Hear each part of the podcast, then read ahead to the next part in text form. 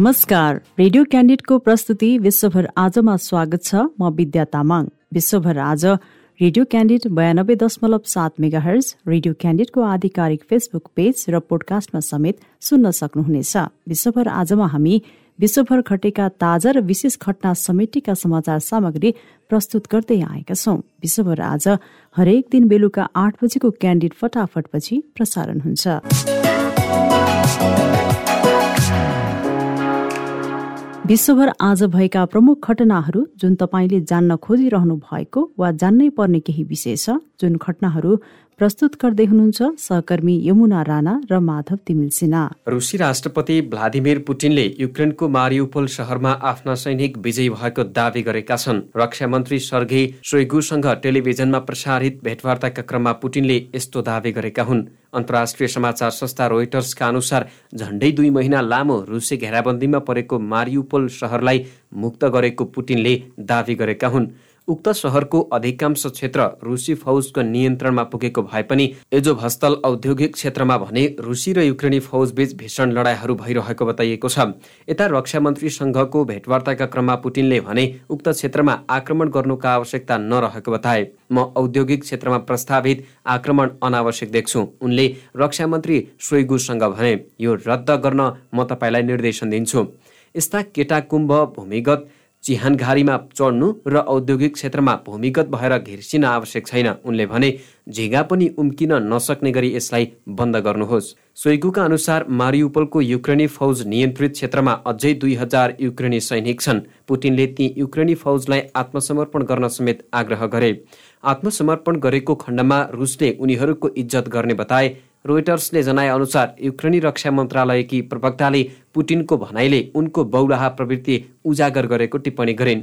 यसबाहेक युक्रेनी पक्षबाट कुनै प्रतिक्रिया नआएको जनाइएको छ।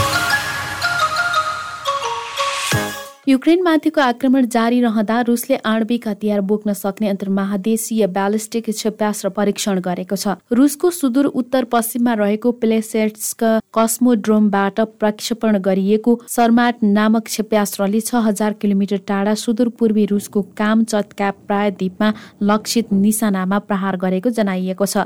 रुसी राष्ट्रपति भ्लादिमिर पुटिनले टेलिभिजन सम्बोधन मार्फत क्षेप्यास्त्र परीक्षणको पुष्टि गरेका हुन्। उनले परीक्षण सफल भएको कार्यक्रममा रुसी सेनालाई बधाई समेत दिएको अन्तर्राष्ट्रिय सञ्चार माध्यमले जनाएका छन्। म सर्माट अन्तर्महादेशीय ब्यालिस्टिक क्षेपास्त्रको सफल प्रक्षेपण गरेकोमा तपाईँहरूलाई बधाई दिन्छु। टेलिभिजन सम्बोधनमा पुटिनले भने यो निकै अद्वितीय हतियारको हाम्रो सैन्य बलको लड्ने क्षमतालाई वृद्धि गर्नेछ। बाहिरी खतराबाट रुसलाई विश्वसनीय सुरक्षा प्रदान गर्नेछ र आक्रामक बयानबाजीको उत्कर्षमा रहेका केहीलाई हाम्रो मुलुक विरुद्ध धम्की दिनु अघि सोच्न बाध्य बनाउनेछ। उनलाई उद्धित गर्दै अन्तर्राष्ट्रिय समाचार संस्था रोइटर्सले जनाएको छ।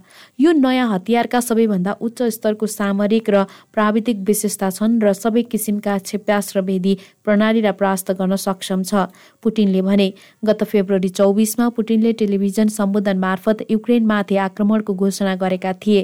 युक्रेनमाथि आक्रमण जारी रहेको प्रारम्भिक चरणमा पुटिनले आफ्नो मुलुकको आणविक बललाई तैनात रहन निर्देशन दिएका थिए।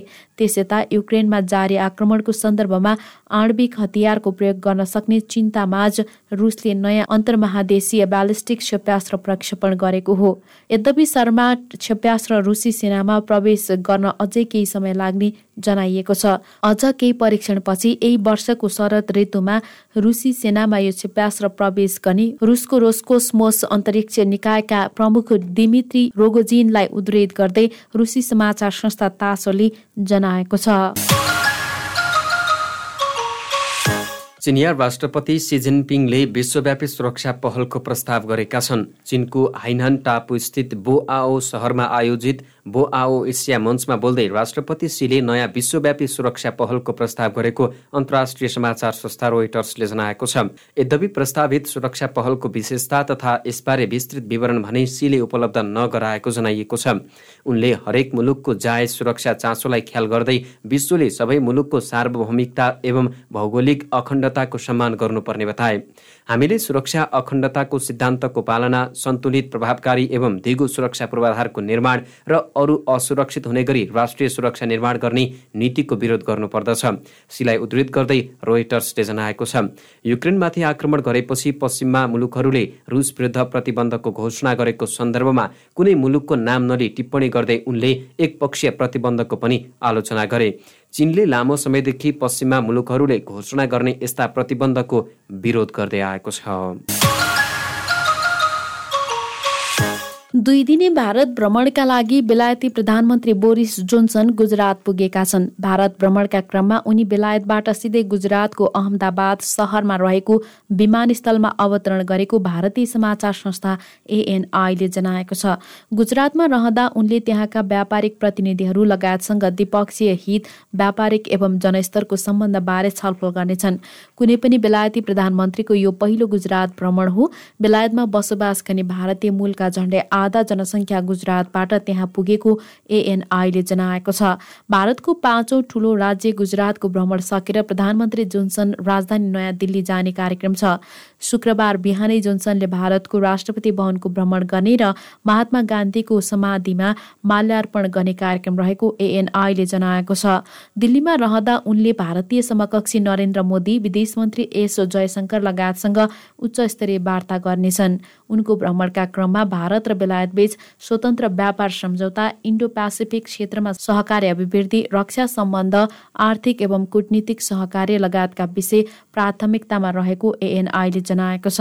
यसबाहेक रुसले युक्रेनमाथि जारी राखेको आक्रमणका विषयमा पनि बोरिस जोन्सनले भारतीय नेतृत्वसँग छलफल गर्ने जनाइएको छ।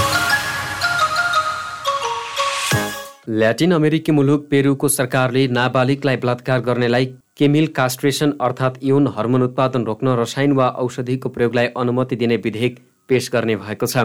मन्त्री परिषद अध्यक्षको कार्यालयमा आयोजित पत्रकार सम्मेलनमा पेरुका न्याय तथा मानव अधिकार मन्त्री फेलिक्स चेरोले यसबारे जानकारी दिएका हुन्। तीन वर्षीय बालिकाको बलात्कारपछि देशव्यापी आक्रोश बढिरहेका बेला सरकारले कडा कानुन ल्याउन लागेको हो। यो उपाय बलात्कार गर्नेहरूका लागि थप सजाय हुनेछ। न्याय मन्त्री चेरोलाई उद्धृत गर्दै पेरुको राजधानी लिमाबाट प्रकाशित हुने एन्डिना पेरुले जनाएको छ। नाबालिगहरूलाई बलात्कार गर्नेहरूले जेल सजाय भोग्ने र सजायको अन्त्यमा दोषीलाई नपुसक बनाइने उनले बताए। तीन वर्षीय बालिकाको बलात्कारको आरोपमा अडचालिस वर्षीय पुरुष पक्राउ परेपछि सरकारले बलात्कारी विरुद्ध कठोर कानुन ल्याउन लागेको हो। पीडित बालिकाको परीक्षणपछि शल्यक्रिया गरिएको थियो। सामाजिक रूपले रूढिवादी र विद्यालयका पूर्व शिक्षक समेत रहेका राष्ट्रपति पेड्रो कास्टिलोले विधेयकको समर्थन गरेका छन्। बालिका बलात्कार गर्नेलाई उदाहरणीय ढङ्गले सजाय दिनुपर्ने उनले बताएका छन्। हामीलाई आशा छ कि संसदले यो विधेयक अनुमोदन गर्नेछ। कास्टिलोले यसै साता भनेका थिए। विधेयकले कानुनको रूप लिन संसदबाट अनुमोदन हुनुपर्छ तर स्वास्थ्य मन्त्री जर्ज लोपेज पीडितका अभिभावक र केही महिला अधिकार सङ्गठनहरूले विधेयकको आलोचना गरेका छन्। हामीलाई खेद छ कि कार्यपालिकाले यौन हिंसा बुझ्दैन। पेरुको महिला अधिकार समूह फ्लोर क्रिस्टानले ट्विट गरेको छ। सरकारले ल्याएको विधेयक बिहिबार काङ्ग्रेसमा पेश गरिने पेरुभियन न्याय मन्त्रालयलाई उद्धृत गर्दै एन्डिना पेरुले जनाएको छ।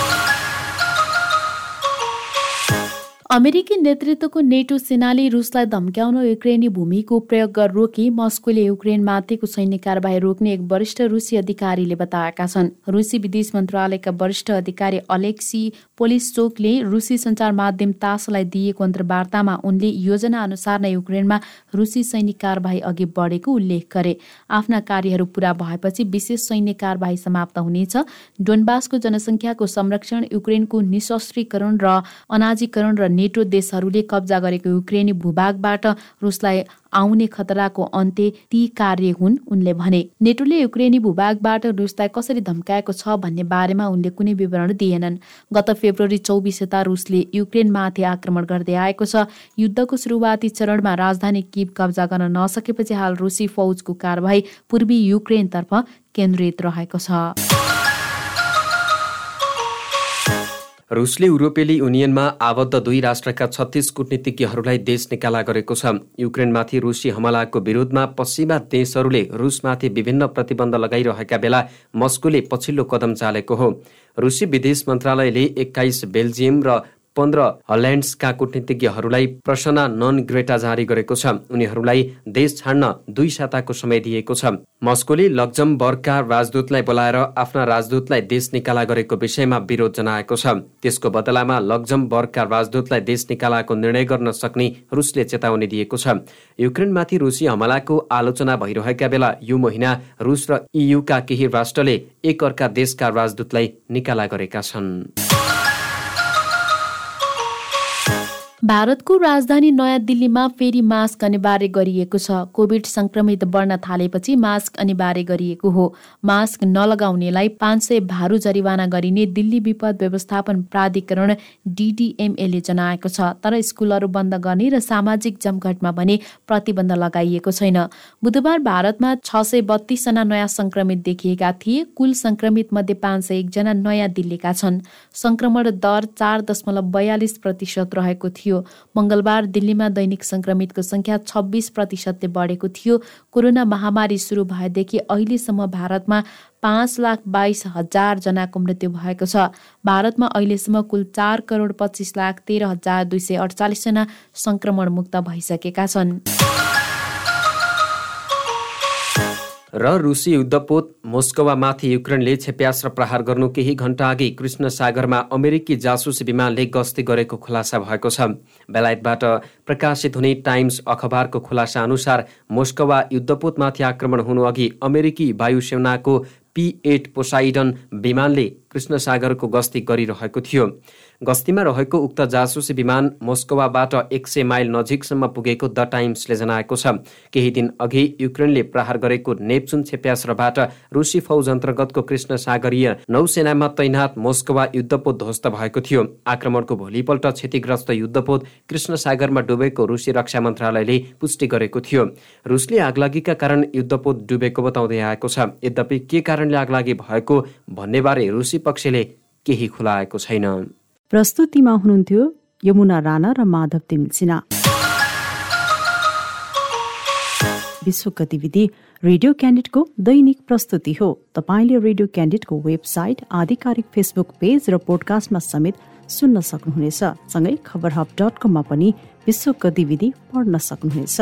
भोलि फेरि यसै समयमा विश्व गतिविधि बुलेटिन लिएर उपस्थित हुनेछौ। आजलाई भने बिदा दिनुहोस्। नमस्कार।